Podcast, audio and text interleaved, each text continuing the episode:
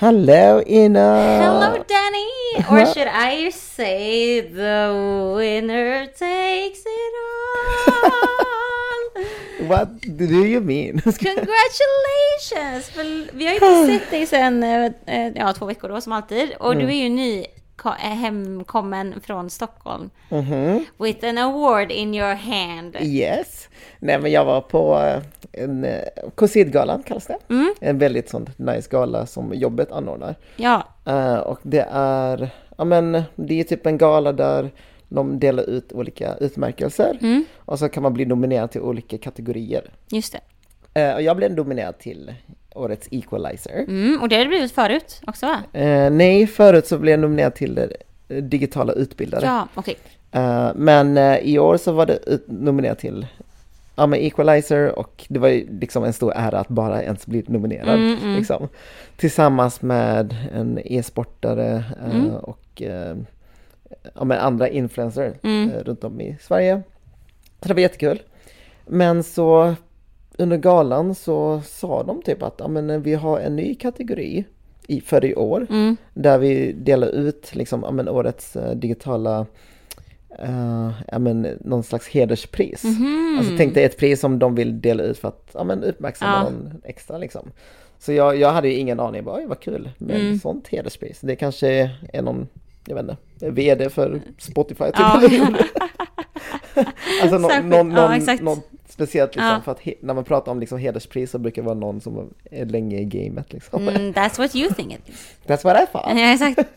Och sen började de rabbla upp om motiveringen. De bara, ah, men det är en, ett forum på sociala medier, lyfter orättvisor. och sen började jag se massa blickar liksom börja kolla på mig. Oh och my mina God, kollegor och ja. sånt. Och jag bara, nej, det är omöjligt, nej. Jag är nominerad på en helt annan kategori. Det liksom, eh, nej, det tror jag absolut inte. Och sen sa han mitt namn på scenen. Så Och jag bara, sjukt! wait a minute. Alla bara började applådera Ja. och började skrika. Och bara, Ja. och eh, ja, jag vet inte, jag fick typ en blackout kändes det som för att jag minns inte ens vad jag sa på scenen. Men, jag- men jag tackade liksom, ja, men jag tackade min sambo, min, min bästa kollega, min Exakt. chef liksom. Så jag hann ändå tacka lite folk. Ja, så sjukt att du bara visste. Du hade ju inte planerat något tacktal eller någonting. Nej, alltså inget tack då, för att jag känner att jag tror inte jag har chans att vinna. Nej. För att just Equalizer så brukar de ändå ha liksom, ja, men just kvinnor Ja. och jämställdhet och sådär. Exakt. Och det, vilket det blev i år också. Mm. Alltså, jag vann ju inte det priset. Nej. Utan det var ju eh, en som eh, till Delicious tror jag, en Mm. eh, Twitch streamer och sådär. Eh, en influencer som Ja. vann så jag tänkte ja, okej men eh, jag har ju ingen chans liksom. och så Well, kom det här vann? hederspriset! Grattis! Thank you! Alltså, det står där. Där är det bland alla andra dina saker. Exakt. Bredvid QX-galapriset och massa grejer. Alltså, så, alltså det var verkligen jättekul att du, ehm, vet det, att du delade det på Instagram. För jag tror att eh, det är jättemånga som eh, Mm. Alltså sett det, man, det- var så bra att dina vänner han filma. Ja, För det, det sjukt. gjorde att man verkligen så såg hur stort det här liksom var. Ja exakt för att det var ju, de läste ju motiveringen Ja. så mina vänner de fattade typ att det var jag så de tog fram mobilen och Direkt filmade liksom, min ja. reaktion liksom och jag bara what the Så välförtjänt. Och jag menar, Concede är ju ett skitstort eh, företag. Alltså, men det här, de, de, här har, de har så ju... vunnit massa priser för bästa företagare, bla bla. Och det är ju IT-konsult liksom. Mm, och jag menar de som har vunnit andra priser, som du skrev i inlägget, det är ju så här Magda Gad har vunnit Mm. ett pris. Och eh, alltså jätte, jätte, jättestora namn. Och där... Och du, för du är också ett stort namn. Ja! Congratulations! Men nu är vi i den här podden. Varmt välkommen till Eh. Tänk för att podden med Danny Lam och Ina. Tida!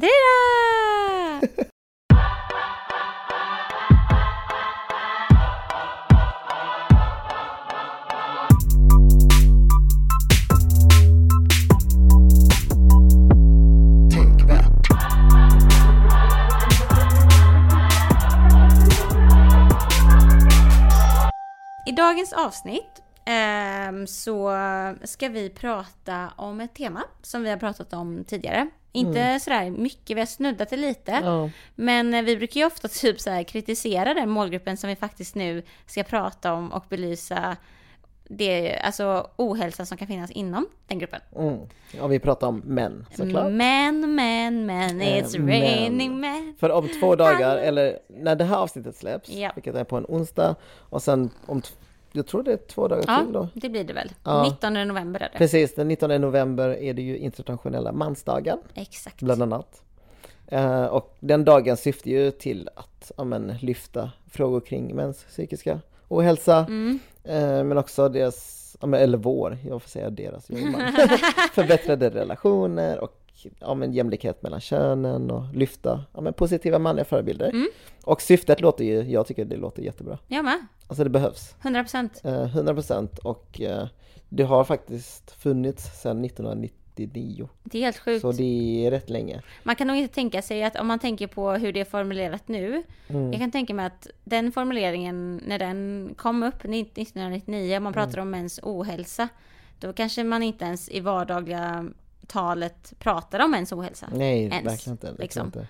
Eh, och vi brukar ju ofta liksom, ehm, du och jag brukar ju ofta bara, men som jag sa innan, vi brukar ofta kritisera typ så här män för skadliga mansnormer eller mäns våld mot kvinnor och så vidare och så vidare. Men, eh, men jag tycker också att den här mansdagen är jätteviktig för att trots det så finns det också en sån enormt stor ohälsa bland män. Mm. Eh, och också ett stort mörkertal överlag. precis. Alltså om alltså män som blivit utsatt för våld, Mm, eh, män som blivit utsatt för sexuella övergrepp exakt. eh, och oftast är det förövaren också en man liksom. Exakt. Men det kan också ske av kvinnor. Exakt. Eh, Och det, det här är ju inte bara derailing att, alltså, alltså att Nej, lyfta det här precis. liksom, utan det är ju faktiskt så att vi har ju strukturer som säger att män inte ska prata om de här sakerna. Exakt. Att män har förväntas liksom man up. Mm, Att vi ska, ja men att det anses svagt eller att det är liksom någonting som gör att man inte ses som en man liksom, om man lyfter de här frågorna. Så det är, ju- det är ju ett problem som måste också talas om utan att för den delen eh, förringa kvinnokampen. Liksom. Det kan vara två kamper som går parallellt men som har ett liknande, um, men har samma mål. Mm, Mål att uppnå någon slags ja, men, jämställdhet mellan könen. Precis. Och, eh, precis. Så att eh, det, är där vi ska, det är det vi ska prata om nu, Mm. idag. Och det ska bli jätteintressant. Jag tycker det är jättekul att vi har en helt att vi har den här taken på dagens Ja avsnitt. precis. För vi, vi tänker att vi ska prata med Marco Vega Mm, som eh, är engagerad i massa olika organisationer eh, och just nu RFSU och MÄN Mm. vad jag vet. Eh, Så jag tänker att vi ringer in honom ja! och eh, hälsar på. You there? Knock knock! Knock knock! Hej! Hej! Välkommen Marco! Tack så mycket. Superkul att ni hörde av er, framförallt kopplat till internationella mansdagen. Det är ju skitskoj. Ja men såklart, vi, vi ser upp till dig. Vi har sett ditt arbete Japp. och vi vet att du är väldigt engagerad i RFSU och män och ja, jag tänker att du får berätta sen. Exakt. Jag har jättemånga av dina så här inlägg på Instagram på min sparade flik, så här, saker som jag alltid ska läsa upp mig på, eller vet, få någon annans åsikt på frågan. Du finns med på massa av dem. Åh vad himla fint att höra. Det är sällan man får, man får höra det ni vet, sådär när man är på sociala medier så är man vet ju inte Mm. alltid vem det är som är bakom och man skriver ibland med folk som heter något sånt där konstigt handle, ni vet, som de använder på Instagram. och, och det är så roligt ibland när man får äntligen ett ansikte och en människa bakom och man kan sitta och prata. Ja. Eh, och man får reda på att man har inspirerat andra. Det är skitfint att höra att ni, att ni gör det, att ni blir inspirerade. Ja, Och Jag tror så att det behövs de här pauserna, liksom, att man bara får, bara får vara och liksom få prata ut om de här sakerna. För att ibland är man mitt inne i det, liksom, så att man, man ser ju bara de här siffrorna på sociala medier och så ser man de här profilbilderna utan ansikten. Exakt. Exakt, och det skapar en viss distans tänker jag, och det här skapar en närhet som vi behöver för att diskutera de här frågorna som kan bli känsliga många gånger, tänker jag. Ja, exakt. Ja, men exakt. eh, jag tänker folk som inte vet vem du är. Eh, Vem, vem är Marco? Och shit alltså, vilken filosofisk fråga. Eller hur? Vem är ja, men, men om man börjar liksom där jag befinner mig idag, alltså eh, idag arbetar jag eh, för organisationen Män med projekt för att förebygga sexuella trakasserier. Eh, och det är väl en stor del av mitt liv att arbeta eh, för frågor som har med rättvisa, vi använder oftast ordet som jämlikhet och jämställdhet. Jag Mm. gillar ordet rättvisa på något sätt, för att det inkluderar så mycket mer än bara specifika saker. Eh, så det, det är väl Mm. det, jag, jag brinner för att eh, människor ska må bra. Och det jag har lärt mig av livet är ju att vi mår bra när våra relationer funkar, när Mm. vi känner att vi får plats i en grupp, när gruppen funkar. Eh, Mm. Så jag tänker att det är någonstans där jag rör mig. Och, och det Mm, jag gillar allra mest såklart är att prata sexualitet och relationer. Det är det jag tycker Mm. är allra roligast. Ja, just det. Spännande, gud det här kommer bli så intressant. Jag ser så fram emot att höra allt Mm. Men, men jag hör ju på din dialekt att det är lite skånska. Ja. Ja, det är det. Definitivt. Är det? Det är Malmö. Det är utgångspunkten Malmö. i Malmö i mitt fall. Eh, och det avslöjar mig alltid. Ni vet, man kan liksom inte Eller- smyga med det. Ja. Det är som det är så här, Göteborg Malmö och även Värmland. Sen är det bara kört liksom. Alla vet, ah, det är skåning liksom. Eller göteborgare. Exakt, det går inte. Alltså så jag, är, definitivt. jag känner mig lite som en spion liksom, för att jag är ju från Helsingborg. Mm. Men eh, min dialekt har ju försvunnit på grund av jag har bott i Göteborg i tio år typ. Så det, Just det. jag känner mig lite som en spion. Jag bara, have it. hehehe. Or Just have det. it. Långsamt men säkert försvinner det. Nej, jag, jag rör mig mycket över hela landet och jobbar, eh, men Mm. eh, skånskan finns kvar fortfarande. Eller Mm. som, eh, som Jesper Röndahl så snyggt sa en gång i tiden, så jag pratar inte skånska, jag pratar svenska med fransk eh, dialekt. Wow. Wow, Det är Låter finare lite sätt att porsigare. säga. riktigt kulturellt faktiskt. Eller hur? Eller hur? Men är du i Malmö nu eller är du i Yes, Stockholm? jag, yes, yes. Idag sitter jag i Malmö. Inga Mm. resor så mycket den här veckan. Lite senare i veckan ska jag till mänskliga rättighetsdagarna och jobba för Ah. organisationen Men. Det ska jag med. Då Ja, ses vi då där. kanske vi ses där. Ja, svinkul. Ja. Men, gud. Men eh, jag såg att på Instagram så känner du Annie. Ja, ja, ja, ja, ja. Ni har drev en podd tillsammans eller? Ja, det började egentligen med att både jag och Annie är medlemmar i organisationen RFSU och vi har båda Mm. haft olika roller i organisationen. Så. Mm. Vi har sutt- suttit i förbundsstyrelsen, varit valberedare åt lokalföreningen i Malmö och så, olika poster. Eh, och vi har träffats eh, på kongresser och vi har Mm. suttit och bara varit arga, ni vet sådär, på rasism. Mm. Mm. Vad fan, ni vet såhär, och svurit och vänt Mm. och vridit och varit ledsna och varit sorgsna. Och till slut så Mm. sa vi, när vi inte hade några roller kvar, eh, Mm. vi valde att inte engagera oss, ni vet sådär, mer än att bara vara en aktiv medlem.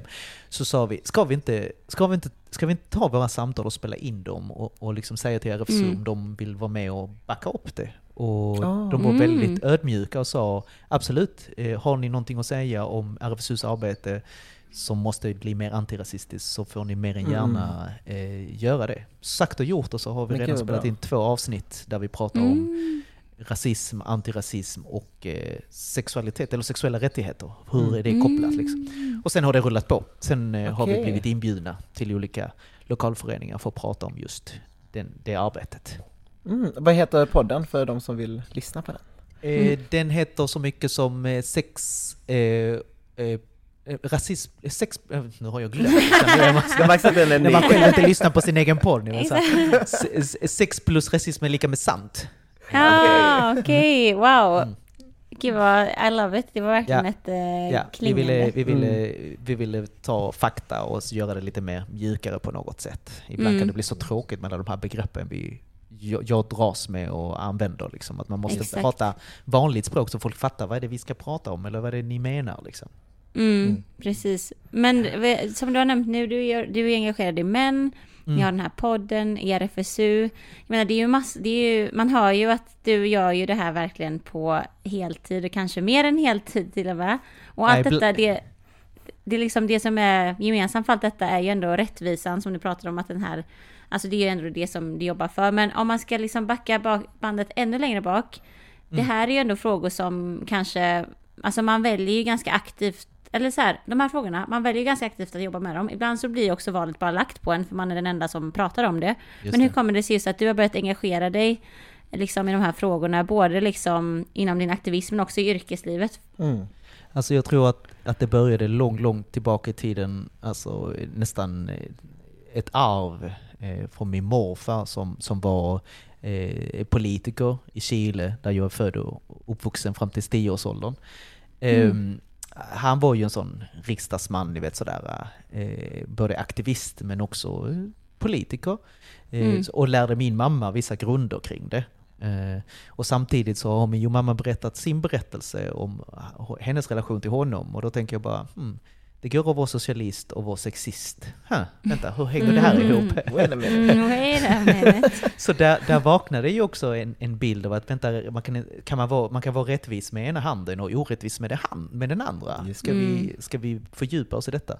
Och detta har varit ett tema som har återkommit hos mig. Den här uh, dubbelheten som människan egentligen har. Att vi kan vara så otroligt omvårdande och göra saker som, ni vet, eh, rädda en hel eh, folk ifrån, eh, vad vet jag, alltifrån svält till någonting annat, ni vet sådär, mm. samla kraft och göra någonting.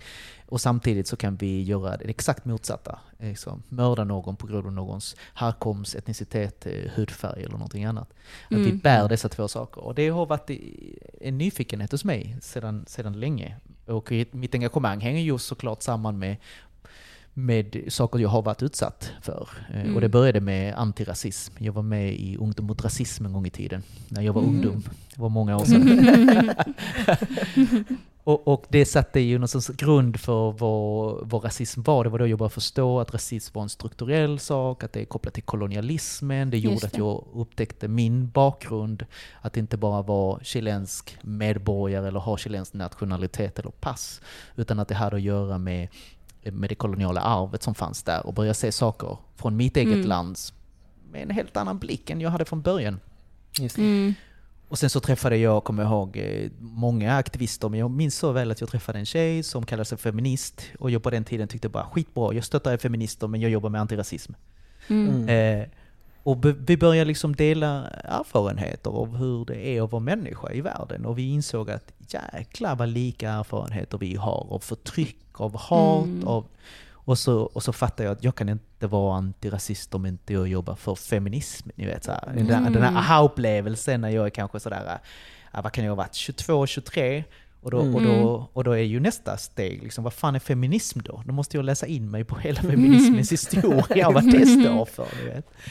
Så det har väl varit den personliga resan som bara har fortsatt. Eh, där jag ständigt känner mig som en eh, person som lär mig. Jag som då en heterosexuell cis-snubbe. Mm. Mm. Eh, oj, jag måste ju förstå så många andra världar som jag inte har haft tillgång till på grund av att jag lever i en privilegierad grupp på ett sätt. Mm. Och mm. samtidigt vet jag hur det är att vara en minoritet eh, mm. och, och få skit för det. Så det är lite, återigen, de här dubbla världarna ni vet, som jag pratade om innan. Att jag, kan mm. finnas, jag kan finnas på flera olika platser samtidigt och förstå vissa saker även om jag inte upplever dem själv. Och där i finns det krav på mig från min sida.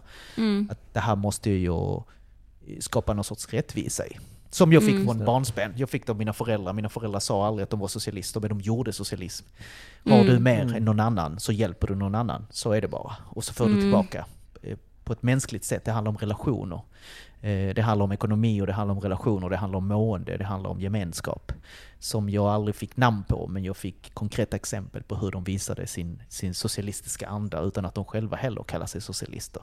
Mm. Och, det, och, det, för mig var ju eh, stort. Det var jättestort. Det följer mm. med än idag. Om jag har så ger jag. Vad, vad har jag för anledning att inte ge? Vad är den mm. enda anledningen att inte ge? Rädsla kanske?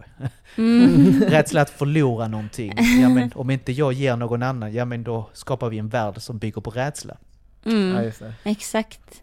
Så det är väl den privata ingången till de här frågorna i alla fall. Mm. Men jag känner igen ja. mig så mycket just det här med att man man kanske brinner först för antirasism och sen börjar man Exakt. inse att oj, oj, vänta, det är inte en isolerad liksom, om en struktur, utan Nej. det går ju hand i hand med feminism, med eh, liksom hbtq-frågor. Ja, och någonting som jag upptäckte nyligen var ju klimatfrågan. Mm. Att det också går hand i hand, hand med hand, antirasism, men också Såklart. feministiska frågor. Mm. Men också klassfrågan liksom. Hur den hänger ihop. Hur allt det hänger ihop och det blir liksom bara wow, nu måste jag läsa in, alltså läsa på ja. så mycket om de här frågorna också. Och det är, Man är så en ständig intressant. elev. Man är en ständig elev tycker Gud. jag. Ja, alltså. Och jag gillar den ingången till de här frågorna, att inte tro att jag är expert.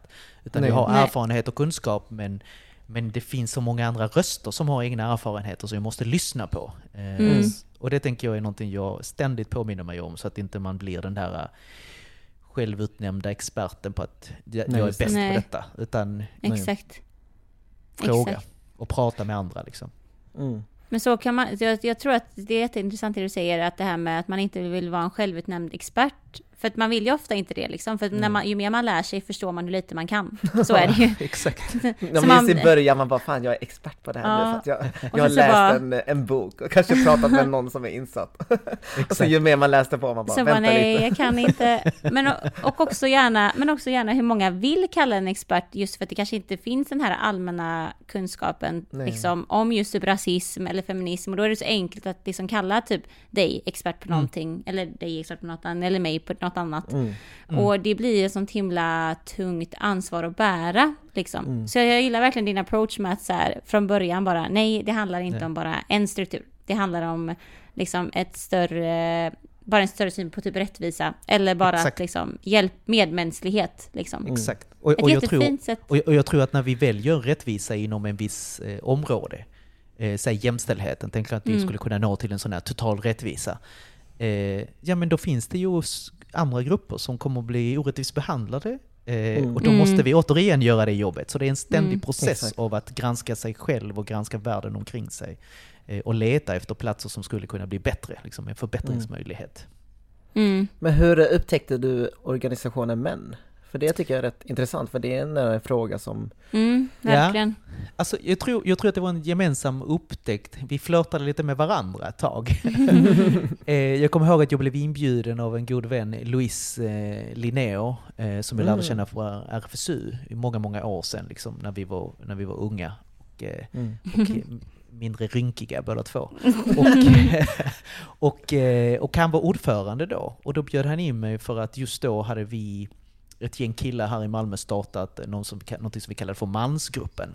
Mm. Eh, och det var egentligen en reaktion på, jag vet inte om ni minns, det fanns en massa skriverier, kan det ha varit 2015-2016 om eh, eh, ensamkommande i Tyskland, jag tror att det var till och med Köln, där man hade eh, tafsat då på de tyska kvinnorna och på offentliga platser. Och så blev det här en fråga om, om en rasistisk fråga som, som Mm. ägdes av Ja, rasisterna. mm.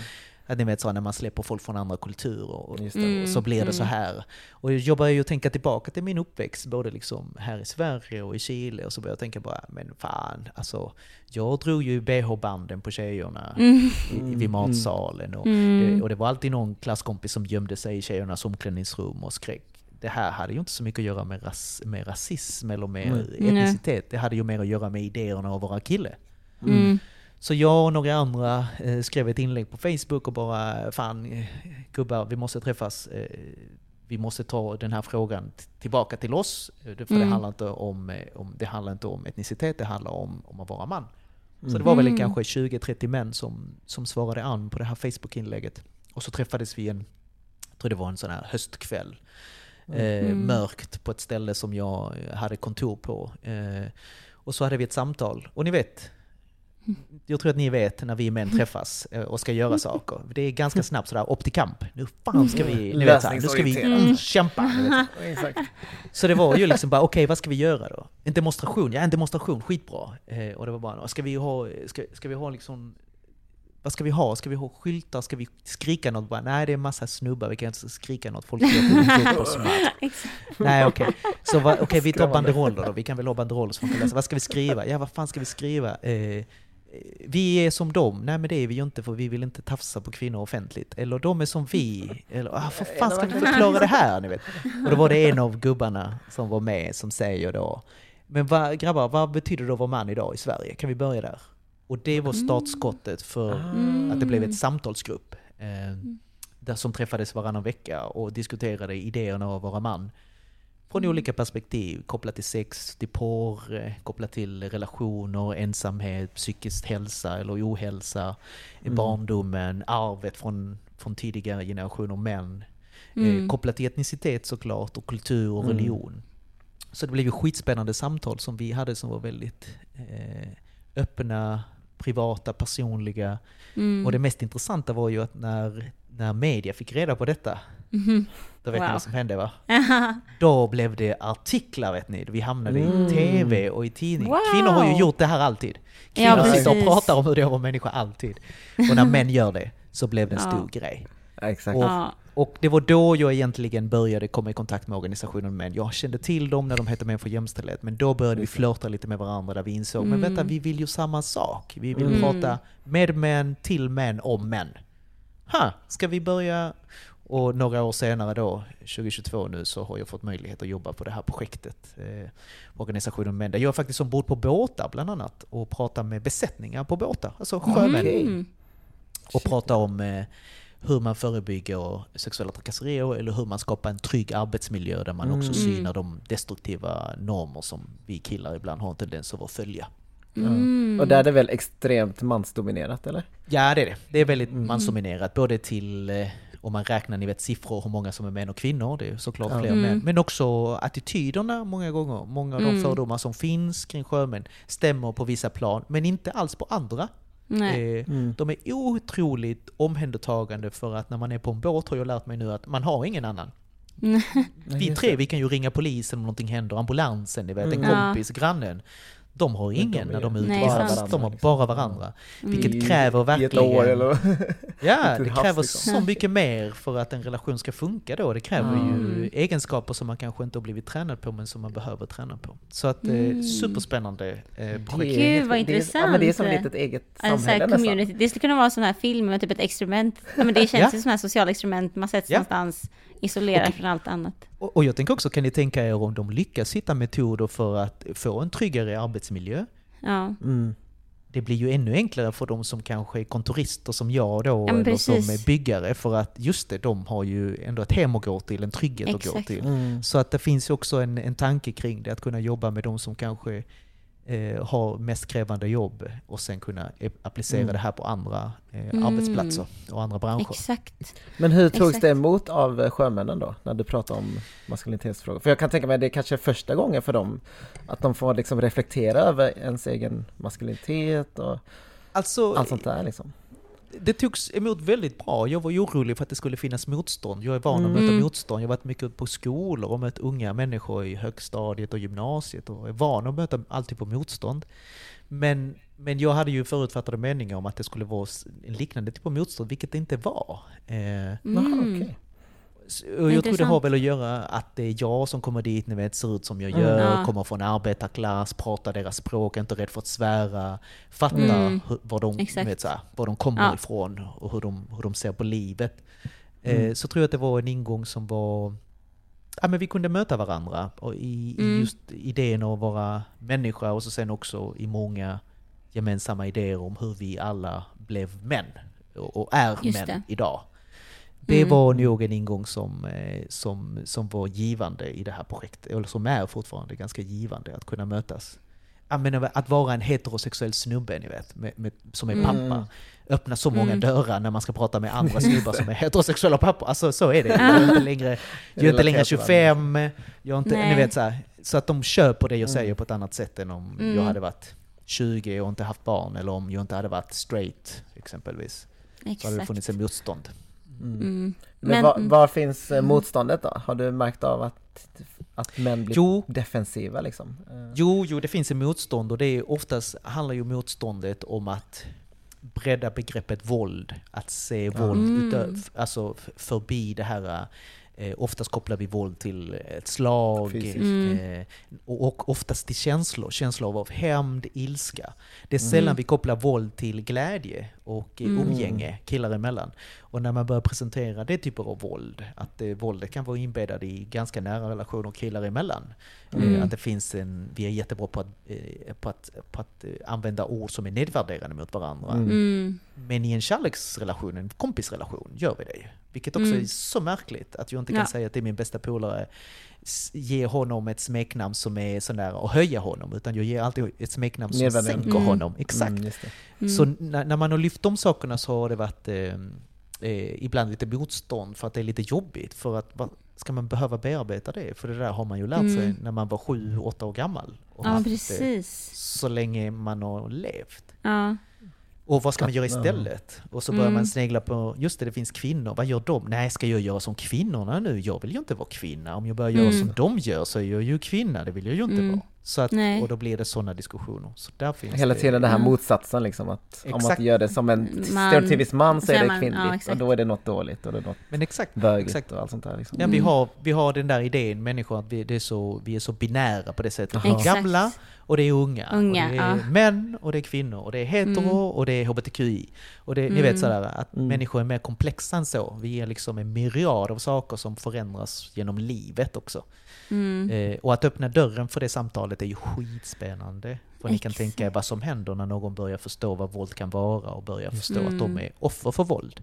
Mm. Och att en man som vågar erkänna att han har varit offer för våld kanske Mm. kan också börja erkänna att han har varit också en användare av våld. Det vill Just säga det. någon som har använt våld mot nära och kära. Och vad gör Mm. det med dig? Det blir en lång process och en personlig process att bearbeta. Mm. Gud vad intressant. Alltså det är verkligen, som du säger, det är så mycket lager på lager. Och, Mm. men, jag, men jag tänkte på en sak som du sa, och det är någonting som vi pratar ofta om, eh, jag och Danny, liksom, både här i podden och du Danny på Instagramkontot. Också i an, andra typer av, inom andra teman. Men du, du nuddade lite på det här mas, maskulinitetsnormer. Mm. Sa det lite snabbt och det är någonting, det är någonting som, vet du, kan, typ nu i populärvetenskapen eller på sociala medier så tycker jag ändå att de begreppen kastas ganska så här, ja men som att alla typ vet vad det är. Alla vet vad en maskulinitetsnorm är, alla vet vad en toxisk maskulinitetsnorm är eller vad en machokultur är. Men samtidigt vet man Men inte vad det samtidigt vet man inte alls vad det är liksom. Så jag tänkte att, kan inte du bara liksom ta oss igenom en Bena ut så? lite. Ja precis, Alltså, red ut för oss. Vad vad är, är maskulinitet? Ja exakt, Alltså, vad är jag, när, när jag pratar med människor i ett syfte av att ha det här projektet exempelvis, eller med ungdomar, så, så det är sällan jag använder ordet maskulinitetsnorm eller machokultur. Utan jag väljer att använda begreppet idéer om att vara eller bli man på. Mm. Mm. Eh, och det finns en medveten tanke med det. För det är för att om det är en idé, så ett, har jag fått lära mig den idén, jag har fått ärva den av någon annan. Om det är en idé så kan jag ersätta det med en annan idé. Det, ger- Mm. öppnar möjligheter. Eh, och, och så är det ju. Maskulinitetsnormer är idéer som sedan leder till olika beteenden eh, som är kopplade till till exempel män eller kvinnor eller äldre eller gamla. I det här fallet maskulinitetsnormer är kopplade till det som anses vara manligt. Mm. Och med det sagt så betyder det inte att det är bara män som gör det, utan vilken människa som helst, från vilket klasstillhörighet som helst, kan anamma de här beteendena eller de här idéerna eh, och eh, använda dem till att bygga en identitet kring. Då. Mm. Eh, och det är väl det som eh, är väl själva maskulinitetsnormer. Sen så pratar man ofta om destruktiva eller toxiska. Och det har att göra med de som faktiskt är eh, de som stör och förstör, brukar jag prata. Eh, olika Mm. idéer som stör och förstör. Mm. De stör andra, de stör samhällsutvecklingen, de stör eh, mina nära och kära, men de förstör också ganska mycket för de omkring mig. Men framförallt för mig. De här idéerna Mm. kan förstöra så otroligt mycket för mig. Eh, och det är det som det blir det intressanta när vi börjar lyfta idéerna om att vara man som stör och förstör. För då Mm. kan vi börja eh, bena ut vilka idéer är konstruktiva och positiva. För det glömmer Mm. vi bort också att prata om många gånger. Det, vi är väldigt bra på att kritisera destruktiva beteende, negativa Just det. beteende. Och så glömmer vi bort, ja men vad är män bra på då? Vad är det för vilka egenskaper är manliga som, ska vara, som är bra? Det är Mm. väldigt få som, som kan svara på den frågan, ni vet, så på direkten. Eh, Mm. Man, man måste ha en liten stund och tänka, hmm, vad är det som är bra med att vara man i Sverige idag?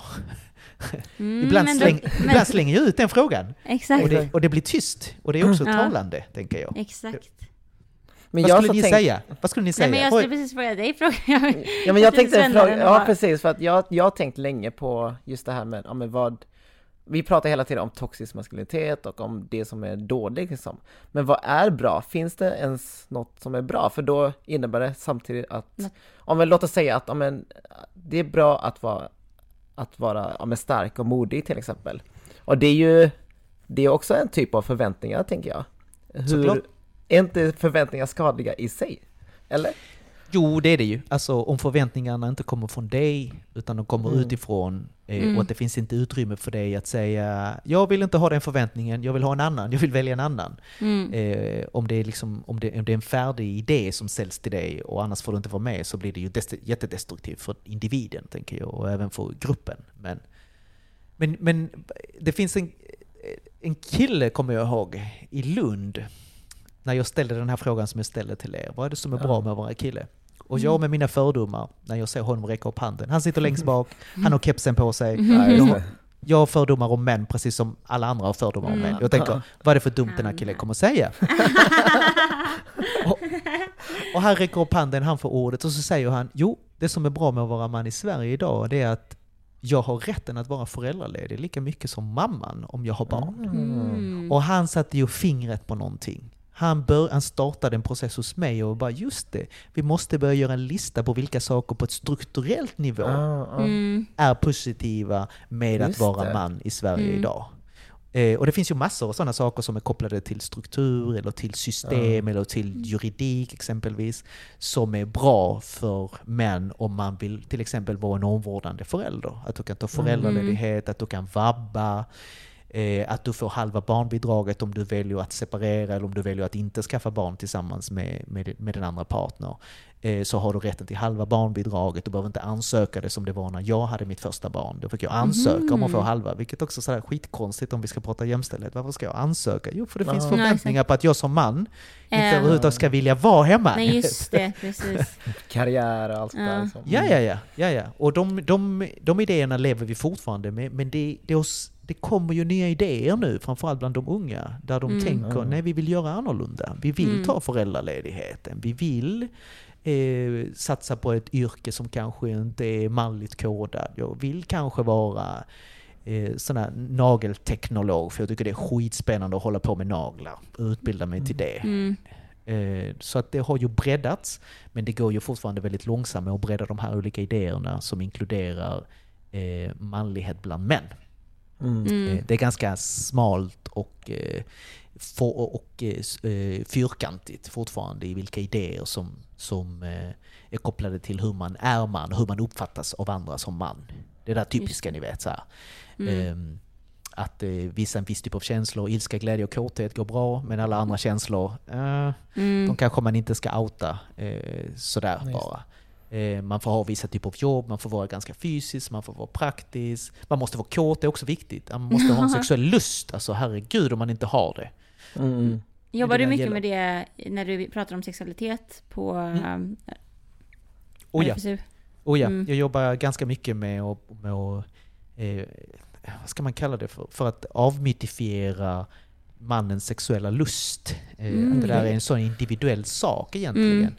Det har inte att göra med att du är man eller kvinna, det har att göra med vad du är i livet, om du är stressad, hur du, alltså hormonella eh, balansen eller obalansen. Eh, och också döda den myten av att vi män eh, ska hela tiden prestera så mycket i sexuella sammanhang. Eh, Mm. Vilket också dödar möjligheten för oss att förstå intimitet, närhet. Just det, Eh, just det. Så många män som saknar kunskapen om skillnad mellan intimitet och intensitet kanske. Just sexuell intimitet och sexuell Mm. intensitet. Även jag. Jag menar det tog lång tid innan jag fattade att aha, så det jag ville ha nu, det var att vara lilla skeden. Jag ville inte ha sex, jag ville egentligen vara lilla Mm. skeden. Jag ville bli Mm. omhändertagen. Mm. Men jag hade inte ens en förståelse ni vet, i mitt eget huvud att det Nej. var det jag ville ha. Ah, vad intressant. Supersorgligt egentligen. ja, sånt kan jag ta- tänka mig ta jättelång tid att få, alltså få, ja. tänk, alltså få till liksom för att det, det, är så, alltså det är så inrotat i samhället Ja, att, exakt. att männen, männens mål med sex är bara att komma. Alltså det, det är liksom, det, Det är det är där, inte ens orgasm utan själva Ja. Att komma, liksom. precis. Och det är så roligt för att ibland så kan de här idéerna liksom förändras långsamt och jag märker Mm. att många killar har börjat anamma den här med att jag ska få henne att komma, säger de. Ja, just Mm, det. just det. Och det är också en prestation, för nu tänker du ah, men nu tänker jag på henne. Ni vet så här, för nu tänker jag på henne. För, och jag bara, men nej, nej, du, du får inte henne att komma. Du får vara med när hon kommer.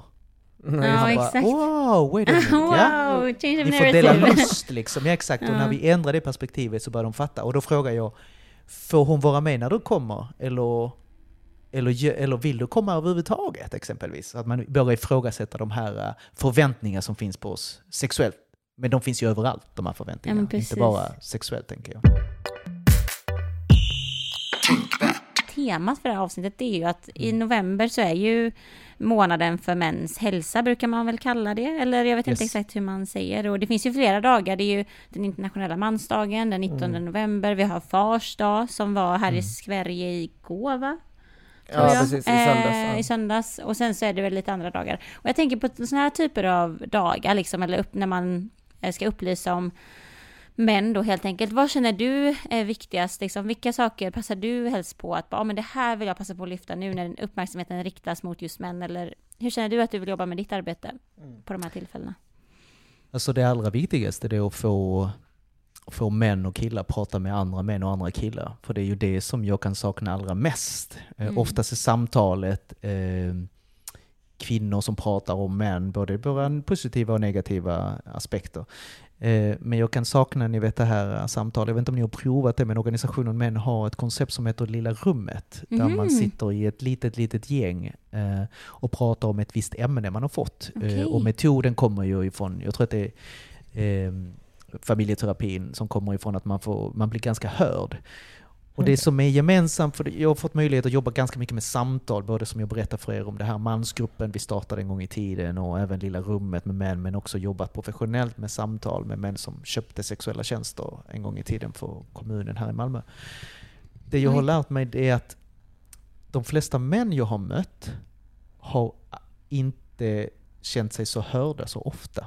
Mm. Och, det, det, och det är så dubbelt, för att samtidigt som vi vet att män har mer makt, mm. vilket betyder att vi tar mer plats, ni vet, och vi mansplainar och vi gör massa mm. saker, mm. så känner vi oss inte hörda. Så vad handlar det om? Det handlar mm. kanske inte om vad det är vi säger, utan det kanske handlar mer om att vi inte har blivit tränade på att lyssna.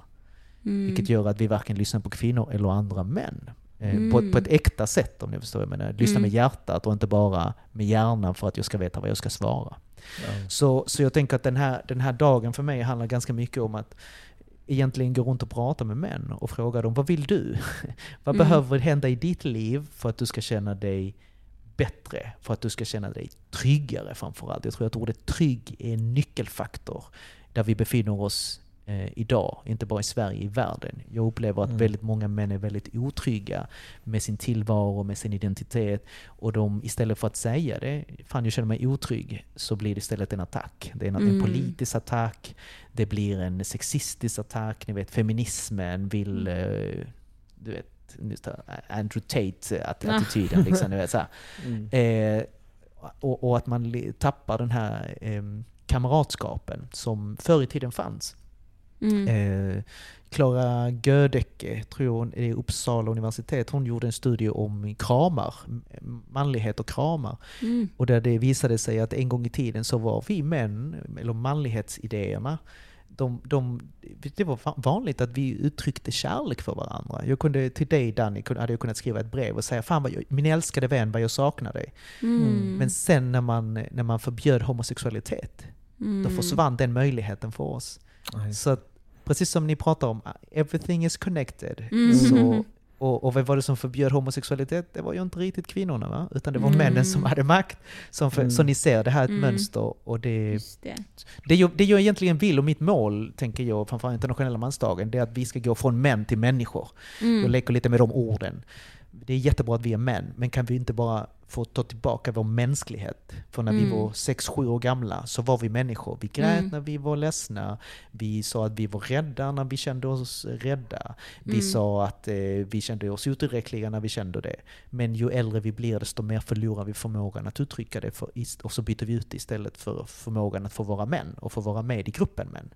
Mm. Och vi, jag vill ta tillbaka den, den mänskligheten som vi hade en gång i tiden när vi var barn, men med en vuxen hjärna.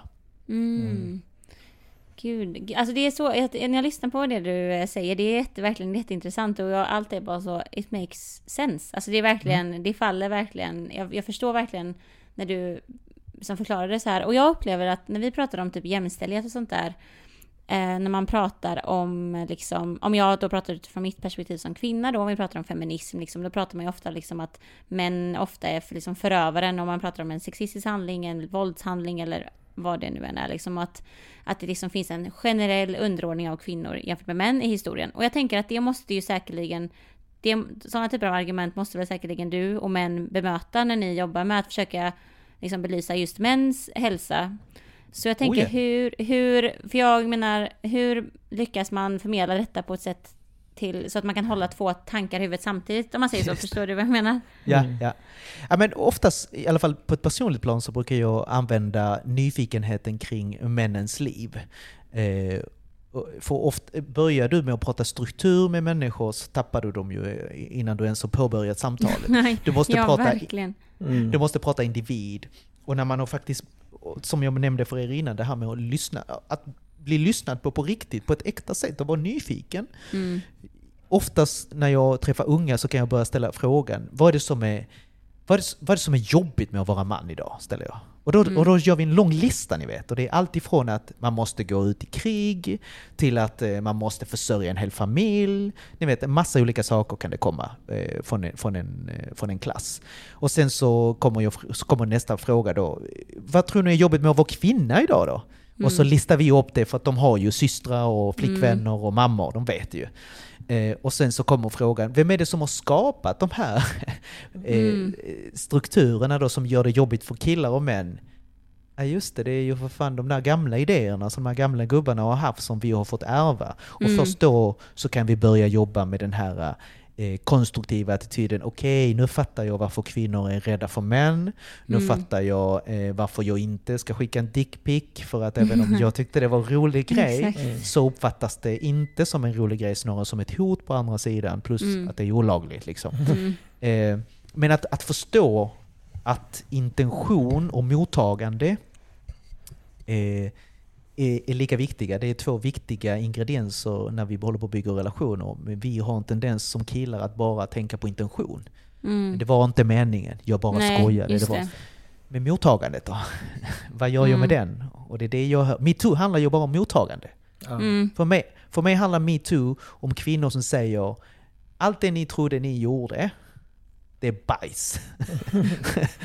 och, och då måste vi kunna ta emot det och säga okej, så, så varför är det? Och då måste vi gå tillbaka och börja prata med varandra och i vår kammare och säga oh shit, det verkar som att vi har lärt oss saker som inte alls funkar. Mm. Eh, och vissa av oss sticker ju verkligen iväg med hela konceptet och begår liksom fruktansvärda brott, liksom Mm. som Weinstein och så. Eh, och jag tror att det någonstans är det väl är det väl det det handlar om. Börja på ett individnivå och Mm. fråga hur, hur, på vilket sätt är livet jobbigt för dig? Och vad är gött med ditt liv? Mm. Och sen lägga det ovanpå, lägga den här bilden av manligt och kvinnligt, hetero, hbtqi, eh, äldre och ung, eh, arbetslös och entreprenör. Är ni med? Just det, just det. Ja. I alla fall, det tror jag är en lyckad, en lyckad ingång. Men också Mm. att inte sticka under stolen med att vi måste ställa krav på män. Mm. Jag, jag brukar ofta säga att vi är väldigt bra på att prestera. Eh, kring Mm. allt utom när det kommer till rättvisa mellan män och kvinnor. Vad fan är grejen? Kom igen! Vi, vi ska bygga pyramider och vi ska bygga en massa grejer, vi ska vara bäst på det mesta. Ja. Men vi vill inte vara bäst på jämställdhet. Nej. Vad är det för skitsnack? Vadå? Vad, vad Men- sänder det för men- signal liksom? Tror du att det är för att det är så abstrakt eller? Jag, jag tror så att vi Nej, män vill... ja, definitivt. Alltså Mm. att ordet jämställdhet är liksom så här, vad betyder det ens? Men också Mm. rädslan över att vi tror att jämställdhet betyder att nu ska kvinnor in i samma prestationstävling Ja. som vi män har. Mhm, Och mm. innan så var vi kanske 10 stycken som tävlade om en grej. Om det ska komma 10 kvinnor, nu är det 20 19 stycken som tävlar mot mig. Mm, just det. Och då upplever jag det som att det blir ännu jobbigare. Jag säger Mm. inte det rakt ut, men jag känner det. Eh, Mm. Och, och, och när jag brukar förklara för killar att nej, feminismen är inte ute efter er. Nej. Nej, det- exakt. Det är oftast patriarkatet som är ute efter er grabbar. Mm. Eh, och det lever ni fortfarande. Allt, allt ni väljer utöver patriarkatet kommer nästan vara lite bättre än patriarkatet. Gud, ja. Och, och då blir det en aha-upplevelse för dem när de fattar att oh shit, att bara idén om att vara man, den här gamla idén om att vara man, är de som också håller dem fast vid Mm. de här eh, jobbiga känslor, tankar och krav och förväntningar som ingen har på dem. Oftast är det Exakt. de själva som försöker leva upp till dessa Mm. Förväntningar. Den Precis. tuffe, Zlatan, den som skjuter mest, den som har mest pengar, den som tjänar mest pengar, Mm. den som ligger mest och så vidare. Liksom. Exakt. Mm. Alltså, men jag tänker typ när man pratar om em, det här, för vi brukar prata om att, eh, när vi, jag och Danny pratar om, um, ja men typ, um, ja vi pratar om rasism exempelvis, man pratar om en sån diskrimineringsgrund liksom, eh, så brukar vi prata om att man måste ju kunna nämna hudfärg för att vi ska kunna se vart diskrimineringen finns. För det är ju ofta någonting som här i Sverige som man inte alltid pratar om, man kanske väljer att säga om typ kulturell bakgrund eller etnisk bakgrund, att man, man har svårt att liksom paketera vad problemet faktiskt är och vi brukar alltid prata om att vi måste alltid kunna nämna vad, vad liksom, vi måste prata om att det handlar om liksom, eh, ja, men, rasism på basis av hudfärg för att kunna se var problemet ligger. Och samma sak gäller ju även med jämställdhet. Om vi ska prata om våld mot kvinnor så måste man ju prata om kvinnor. Men när vi gör det så kan vi ibland möta att det liksom kritik av att folk kan tycka att det är för binärt att prata om just vad är kvinnlighet för att det ändå på något sätt är så traditionellt kopplat till liksom en cis-kvinna då liksom. Så jag tänker att, men på samma sätt som man måste prata om just den, alltså ohälsan som finns bland just män så måste man ju ändå prata om manlighet. Men möter du någon gång någon kritik av att liksom att manlighet skulle exkludera vissa typer av identiteter typ, eller bara på hur man pratar om det? Eller, hur, eller förstår du vad jag är inne på? Jo, jo, men jag förstår vad du menar, att det skulle bli för en, enformigt att prata om manlighet liksom på det sättet som, som både organisationen ibland gör, men också som, som man går in i ett klassrum exempelvis och pratar om, om det här och kanske till och med stärker de här förväntningar som, som redan finns. Eh, men men där, då pratar jag ofta som rum. Mm. Eh, och, och då är det flera män som bara, just det. För vi beter oss olika i olika rum, det lär vi oss. Mm. Eh, I omklädningsrummet så finns det en typ av uttryck för maskulinitet. Och där mm. finns det ganska mycket utrymme för det finns gråzoner för, för, för destruktiva saker, för, eh, för att ge oss på varandra exempelvis. Mm. Eh, men om man tänker arbetsplatsen, det är ett helt annat rum. Där mm. finns inte samma destruktiva beteende exempelvis mm. som finns i omklädningsrummet. Så, så börjar man prata idéer om att vara man och lägger på rum och sen lägger på det som vi kallar för intersektionalitet, det vill säga klass, etnicitet, eh, sexuell läggning, sexuell mm. identitet och så vidare. Eh, mm. då, blir det, då blir det mycket mer intressant och då blir det mycket mer komplext. Mm. För då kan vi inte längre prata om maskulinitet. Då måste vi prata om maskuliniteter, det vill säga i plural. Mm. Idéer om att vara man. Så idéerna om att vara man på gatan, de ser ut på ett sätt. När jag förflyttar mig till Östermalm och rör mig, liksom mm. frotterar mig med överklassen, då ser de ut på ett annat sätt. Mm. Och de kan ibland till och med vara lite stick i stäv mot varandra. De kan vara, du vet så här, överklassen använder inte våld. Och mm. arbetarklassen använder våld för att mm, exemplifiera precis, det väldigt ja. enkelt. Så att, så att det intressanta är, är de destruktiva? Det är ju det som är alltid min fråga. Mm. Är de här idéerna destruktiva? Leder de till att individen mår dåligt och att alla de runt omkring mår dåligt? Eller leder det till att de får bättre relationer till sig själva och till alla i sin närhet? Mm. För det är så man kan också identifiera vilka idéer är det som vi ska behålla och vilka idéer är det vi ska börja utmana och säga varför. Och sen ersätta dem, inte bara säga ta bort dem. Nej. Det är som att säga sluta rök. Eh, jaha? Mm. gör det här istället. Ja. Exakt. Gör det här istället. Och det är då internationella mansdagen kommer in som en bra grej. För att då har vi en dag då vi säger till varandra, vad ska vi göra istället? Vad ska mm. vi göra istället ja. för att förändra? En av de sakerna är ju just, ja men var en engagerad förälder. Hur blir jag det? Ja, inte själv. Du måste börja snacka med andra pappor. Mm. Eh, andra mammor. För att du kan inte vara en duktig förälder. Utan du måste vara en omvårdande förälder. Du kan inte tävla i föräldraskap. Mm. Du kan bara vara omvårdande utifrån vad ditt barn behöver. Liksom. Där mm. har du ett exempel på vad man skulle kunna göra på internationella mansdagen, tänker jag, att, mm. att jobba med. Okej, okay, så man, man ska helt enkelt ja, försöka ersätta de skadliga normerna, eller om man inte ska mm. normer, men rollerna liksom, med något mer positivt. Man vill ska tänka, tänka mer eh, visionellt då? Alltså vad, vad, är din vision? Om vi får tänka helt fritt liksom, med eh, alltså, just alltså, synen på maskulinitet trygga män, eh, eh, jag tror alltså det är ju liksom grunden för det, grundplåten är trygga män. Om vi kan uppfostra individer som känner sig trygga i sin identitet som man, mm. vilket jag vågar påstå att idag är vi inte trygga i vår identitet som män. Mm. Men om vi, om vi lyckas vara trygga från barnsben upp till vuxen ålder, så kommer det också bredda uttrycket av maskulinitet. Det vill säga, mm. jag kan gå runt med målade naglar, jag kan vara som jag då, den tatuerade tuffe kampsportaren, jag kan vara eh, den som gillar att måla, jag kan mm. vara den som satsar på att dansa ballett på min fritid och inte vilja prestera i det bara för att jag tycker det är så jävla roligt. Mm. Är ni med? Med att det breddar, mm, det. att helt plötsligt så får du vara människa först och sen under det så kan du också identifiera dig som man. Och inte som det är nu idag, att du måste vara man först mm. och sen, sen får du liksom ta fram människan i dig så länge manligheten tillåter det. Just det. Eh, jag tror att vi skulle komma till en helt annan plats om, om pojkar blev uppfostrade till att bli tryggare i sin identitet som män. Att mm. inte vara rädda för andra män, att inte vara rädda för sin egen manlighet. Att utveckla bättre relationer, omvårdande relationer med sina kompisar, mm. med sina föräldrar, med andra vuxna. Vi skulle vara på en helt annan plats i samhället överhuvudtaget mm. tror jag. Om vi hade Mm. kunnat, om vi nu pratar visioner, ni vet. Ja, Ja, precis. Eh, mm. Jag tror att allting kretsar kring relationer. Mm. Får vi, får vi unga att, ger vi dem verktyg för att bygga trygga relationer så kommer de Mm. samtidigt vara trygga individer. Och då hamnar vi inte där vi har hamnat i världen med så mycket destruktiva och polariserande liksom, eh, samtal som vi har som inte leder till Mm. något, någon trygghet, tvärtom. Jag menar, kolla på det här val, senaste valet. Ja, men precis. Jag tror Mm. inte någon kände sig trygg, oavsett vad, åt vilket håll man röstar.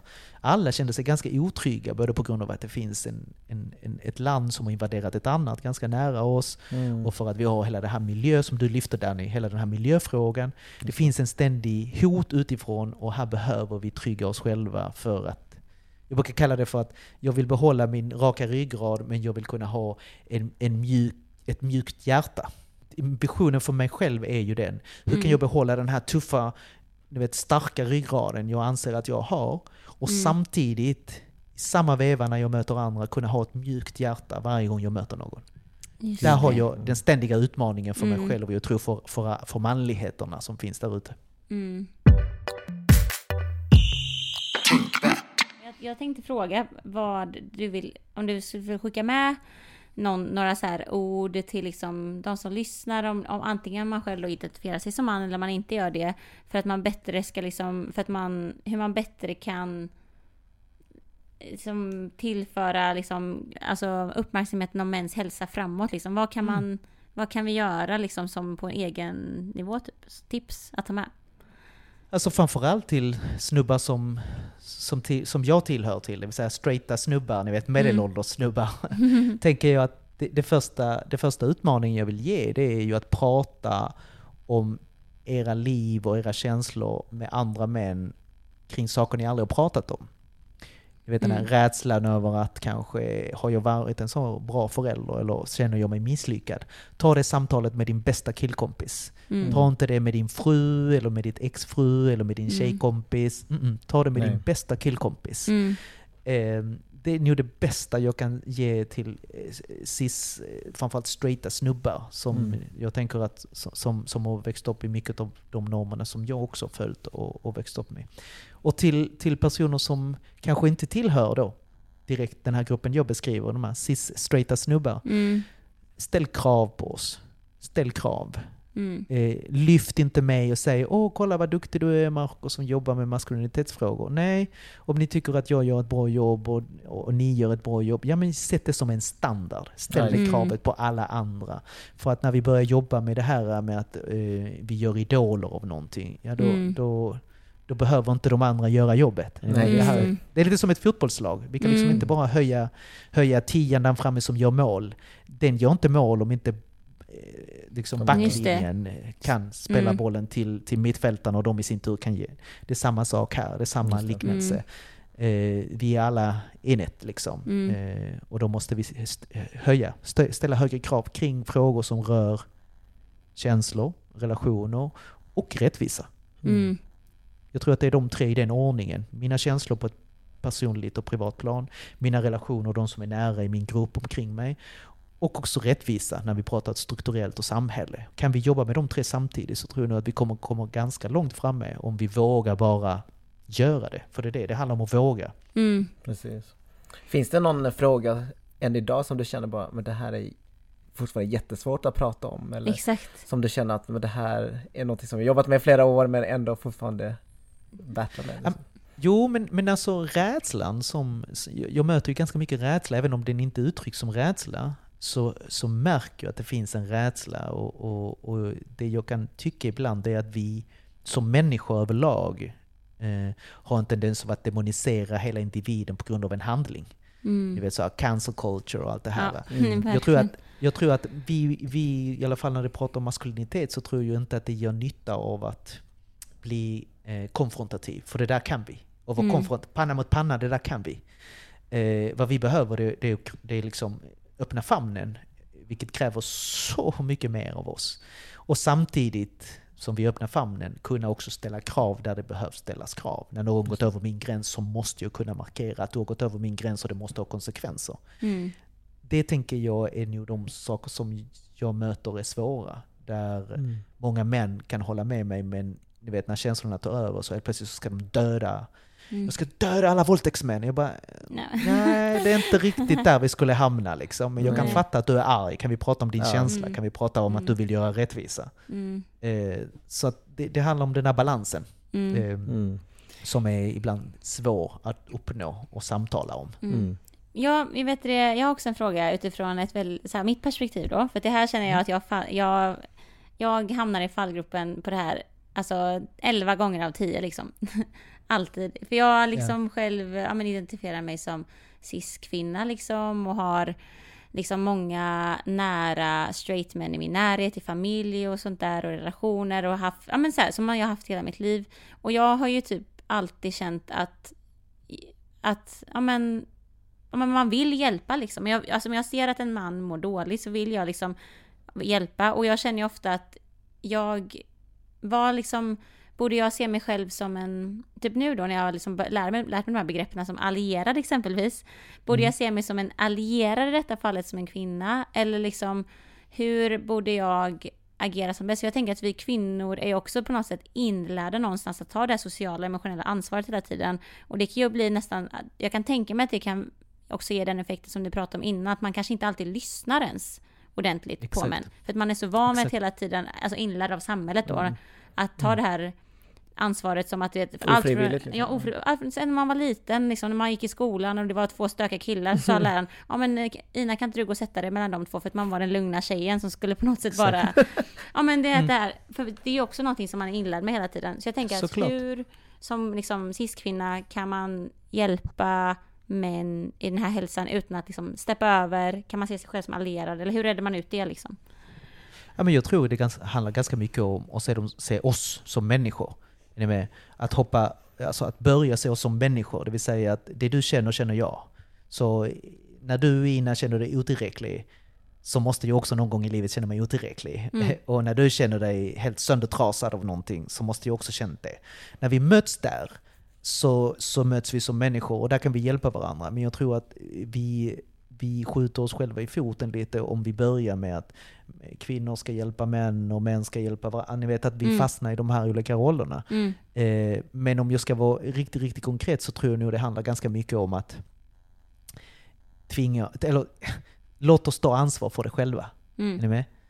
Eh, Det är lätt hänt som du säger att som kvinna utifrån femininitetsnormer Exakt. som också finns. Precis. Att, eh, att eh, ni vet, man ska vara den som ser till att relationerna funkar, att projektet hemmet ska Mm. också funka så man vet när någon fyller år, om barnen ska ha med sig gympapåsen eller Mm. extra mat. Ni vet, så men, men, men jag tror eh, att det är ju ett arbete som, som, som kvinnor kan göra i sig för att se vilka destruktiva normer som finns där också på grund Ja. av patriarkatet. Men jag tror nog också det att, att, eh, att låta oss göra det. Att liksom lämna över till oss, eh, Mm. vilket också är svårt. Det är skitsvårt. Mm. Men det där funkar bara om vi tar det. För att om ni Just lämnar det. över till oss och vi inte tar det, ja men då, då ligger ju ett jättestort ansvar mitt emellan oss som Mm. ingen gör. Nej. Så det är, ju, det är ju en process som kräver en ömsesidighet Mm. mellan de olika grupperna av män och kvinnor. Mm. Eh, och ett, ett, ett öppet samtal om det. Att eh, vi är alla marinerade i de här normerna av heterosexuella kvinnor och heterosexuella män och hur vi alla ska bete oss mot varandra. Vi Mm. kommer alla från den historien. Mm. Och, och en sak jag vill lyfta det är ju att kom- var, var snälla mot varandra. För att vi har aldrig levt i ett samhälle som har varit rättvist. Aldrig. Nej. Just det. Så vi vet inte hur det är. Vi vet inte, liksom, in, ingen av våra förfäder sant. vet hur det är. det. Så, så att vi lever kanske i det mest rättvisa samhället historiskt. Ändå Mm. så ser vi det orättvisa i det. Och Mm. någonstans ibland måste vi säga, okej, uff, det här är ett långt maraton. Vi har bara sprungit en tredjedel. Okej, Mm. vad har vi vunnit? Vilka är våra vunna segrar? Okej, Mm. shit, det här är bra. Kan vi dra nytta av detta? Kan vi bygga vidare på detta? Vad är det vi behöver fightas mot? Okej, vi har det där. Så att vi inte bara Springer hela tiden Ja men att exakt, An- exakt. Andas och, Exakt, och liksom bara andas. blicka bakåt. Men Mm. hur, hur långt har vi nått nu? Liksom? Exakt. Exakt, exakt. För vi, vi, ska. Mm. vi ska vara glada över att vi har nått någonting, till exempel föräldraförsäkring. Vi ska Mm. uppmuntra Mm. nyblivna föräldrar att ta föräldraledigheten. Fundera på hur skapar man jämställdhet i praktiken när det kommer till föräldraledigheten och ekonomi och Mm. hantera ett hus och allt det där. Ha det samtalet, ni vet. Öppna upp för det samtalet. Det tänker jag jättemycket på idag när man har börjat jobba med jämställdheten att det är så många kvinnor som bränner ut sig. Hmm, Mm. Hur kommer det sig? Jo, kvinnor har ju gått in i vår så, så att säga, arbetsmarknad, tillbaka till arbetet liksom. Mm. Inte bara i hemmet. Men vi, har inte, vi som män har inte gjort detsamma med hemmet. Vi har inte gått till hemmet och sagt Mm. nu ska vi... Så att Mm. vi, be, vi behöver jobba vidare men vi behöver också eh, fira de vunna segrar som faktiskt finns när det Just kommer det. till jämställdhetsarbetet. Det får vi inte glömma, det är väldigt viktigt. Mm. Gud. Ja. det Jag vet inte om det var svar på din fråga jätte- Ina. Jo, jo men jo, Men- gud ja. Det var det definitivt. Alltså jag känner ju som jag sa i början av avsnittet, ju mer man vet, ju mer inser man att man inte vet. Det är ju, Mm. Jag har ju tio andra frågor i mitt huvud här nu, men jag vet det, tiden rinner ju iväg. Det är ju så himla, Yes. vet det, det är så kul att sitta och prata och liksom få varandras eh, Alltså, eh, vad ska man säga, varandras perspektiv på det här. För att även Mm. fall vi, man, man skulle utifrån skulle man kunna säga att ja, men alla vi tre håller på med lite samma liknande saker, vi jobbar med rättvisa på olika sätt. Mm. Men trots det så är det så himla mycket som man lär sig av de här samtalen. Liksom. Det är så mycket Exakt. nytt som... Eh, Men det är så givande att bara kunna sitta och prata också. Alltså även om man Exakt. kanske vissa frågor man kanske redan vet eller Ja, sådär. precis. Faktamässigt så är det så bra att bara få höra från ett personligt plan men också Mm. erfarenheter och Mm. allt sånt där. Liksom. Och, det, och det är min uppmuntran till er som, till er som lyssnar. Liksom. Ta samtalet. Ta det här Mm. samtalet vidare till era kompisar, till era mammor. Sätt er ner och fråga hur var det? Hur är det för dig? Mm. Utan Mm. att vara dömande. Var Exakt. nyfiken. Var nyfiken. För det öppnar så mycket dörrar istället för att döma ut någon på grund av att de har en åsikt som inte stämmer överens med min. Eller verkligen. som Mm. kanske inte är rättvist i mina ögon. Liksom. Var nyfiken. Mm. Cancel culture är verkligen det värsta med våran samtid just nu. För det Mm. tar in, alltså det, det gör ju, eller okej, kanske överdriver lite där. Jag menar bara, det gör ju inte, att- det låter ju inte någon utvecklas. Det låter ju inte någon Nej. utvecklas. Det stannar ju Mm. bara av. Det tar ju bara bort folk som, som, ju- som inte agerar på rätt sätt. Men om vi skulle ha den synen, då hade vi alla, då hade vi aldrig utvecklats. Ja, då, hade, då hade ni fått cancella mig för länge sedan kan jag säga. Ja, Om men- vi ska göra rätt kan jag Vi alla säga. hade Vi varit alla hade varit cancelled Exakt. Vi alla här, exakt. vi är inte uppvuxna, vi föddes inte, alltså idag ens, och folk som föds idag kan också bli cancelled liksom. Ja, Exakt. Exakt. Ja, är Superfint att ni ville bjuda in mig vänner och prata om detta. Det är så fint att prata om det utanför sin yrkesroll. För jag gör det i min yrkesroll, men det är annorlunda när det blir privat. Jag, jag uppskattar det och jag gillar det. Ja, verkligen. Vi med. Alltså, Vi, vi är jätteglada att du ville ens ta den tid och prata med oss. Det är jättekul att du ville göra det. verkligen. Ja men såklart, såklart. Men är det någonting som du känner att vi har missat som du vill ta upp? Vi vill alltid öppna upp om du känner bara så här, nej men gud, det var det här. Det här måste bli sagt. Mm. Då ska Eh, vi inte- det finns, nej men jag tänker att det finns ju massor, men jag tänker att just nu så eh, tänker jag att det viktigaste är det jag sa innan. Det är liksom killar som lyssnar. Mm. Ta en, greppa tag i en annan kille som ni känner är någorlunda trygga med och prata om saker ni aldrig har pratat med förut. Mm. Mm. Det är det första steget som är det allra svåraste, men när ni har tagit det steget så kommer någonting att hända, någonting kommer att öppnas där hos Mm. er själva. Eh, så jag utmanar er Just till det. att göra det. Se vad som händer och hör gärna av er till mig om det inte funkar eller om, det, om, det, om ni upptäckte någonting. Så är jag mer än all ears för att veta vad som, eh, vad, som- vad som hände hos er. Ja. Och i, i relation till era, till era vänner som också är män. Just det. Exakt. Men Och Var kan- hittar man ja, dig precis. på Instagram då? Vad heter du? Eh, markovega.se, väldigt basic.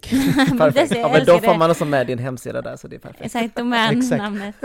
Sista, sista frågan då. Ja. Eh, Vem tycker du vi borde ha med som eh, gäst? Vi har ju börjat med ett gästavsnitt. Annie, Annie. min kompis Ja. Annie. Ja. Ja. Och Annie och prata, och prata framförallt eh, rasism och sexualitet med Annie. Alltså hon har lärt mig så otroligt mycket. Jag är den som har massor av idéer, men Annie är den som är strukturerad och inramad. Mm. Eh, superspännande samtal kan det bli. Heder, sexualitet, ni vet kultur, Gud, ja. sexualitet. Ja, Allt det där. Gud vad det, det är mitt intressant. tips. Mm, ja men då ska vi Då ska definitivt vi- höra av oss till Annie då. Ja. Verkligen. Yes. Tack så jättemycket Marco, det var jätteintressant. Tack Ina, tack Danny. Alltså det var otroligt. Vi, eh, vi hörs vidare. Det här får vara början på ett av många samtal. Mm. Det låter, det låter fint. Yes. Bra. Vi hörs då, Ha det bäst. ha det gött! Hejdå! Hej. Wow, jag vill ju aldrig att den här Så gästavsnitten ska ta slut. Alltså det, det som jag sa, man bara vet lite. Nu tänker man, nu ska jag veta mer. Och så, så bara, ju mer man vet inser man. You actually don't know I don't know anything. shit. Så vi får lägga ner den här podden. Exakt. Nej men det, så är det ju med allting, även med eh, mitt arbete liksom med Ja. UX-design. Liksom, att, visst, när man direkt gick ut skolan så kände man, okej men I got this, men samtidigt I don't got this. Speciellt Nej. för att man inte har jobbat liksom. Men man tän- tänkte ändå att man har liksom jättemycket teori och sådär. Mm. Sen börjar man jobba och lära sig massa saker och sen helt plötsligt bara, vänta lite, jag, jag kan inte så mycket ändå. Mm. Nej. liksom. Det Man finns bara- så mycket. Så mycket och man, att man liksom märker att man själv, jag, jag blir träffad av mycket det han sa. Alltså jag blir Mm, jätteträffad och bara så här, wow, just det, det här är jag, eller det här är inte jag, eller liksom, ja nej. Men jag tycker att det är jättebra, alltså att det finns, jag vet att du och jag pratade om mansdagen, alltså för typ kanske i första säsongen eller någonting, Mm. för typ två år sedan. Då tror jag att våran, eller min take på mansdagen var lite annorlunda än vad den är nu. Eller mans, inte bara mans, internationella mansdagen men också hela november då som är en månad för att belysa mäns hälsa liksom. För mig så Eh, handlar det nog mycket mer om andra typer av män. Alltså med intersektionalitet. Liksom. Då tänker jag mycket mer på om en svarta män eller en gay män liksom. Mm. Eh, I den approachen snarare än män överlag. Exakt. Eh, Men eh, ja, det, det är ju en fråga som vi måste lyfta liksom. För Mm. att vi har ändå kommit så pass långt att vi måste lyfta de här frågorna och komplettera den feministiska kampen. Precis. Um, men det ena utesluter ju inte det andra. Det gör ju inte det. Och verkligen smart. Marco, han är otrolig både som talare och han skriver jättebra och fint och Gud, jag, var- han, jag var hans vän. Han lät, det var jätte, jättemysigt att prata. Alla tre. Skåningar är snälla. Jag Alla vet. skåningar är snälla. Alla, jag ska flytta till Malmö kanske. Exakt. Ska vi då. träffa Timbuktu där? Så, oh! Oh. Please, Jason! Jason, bli vår gäst. Nej, men eh, vi eh, hörs igen då om eh, två veckor. Ja, det gör vi. Och passa på, jag, passa på att ta, an, ta er an alla de här tipsen som Marco sa nu, speciellt under november. Alltid, Mm. det, man borde göra det hela året om, men liksom verkligen kanske ett fokus nu för november, för det är så mycket som händer i världen. Yes. kanske fokusera på det. Så hörs vi. Gör vi. Bye, bye. Hej då.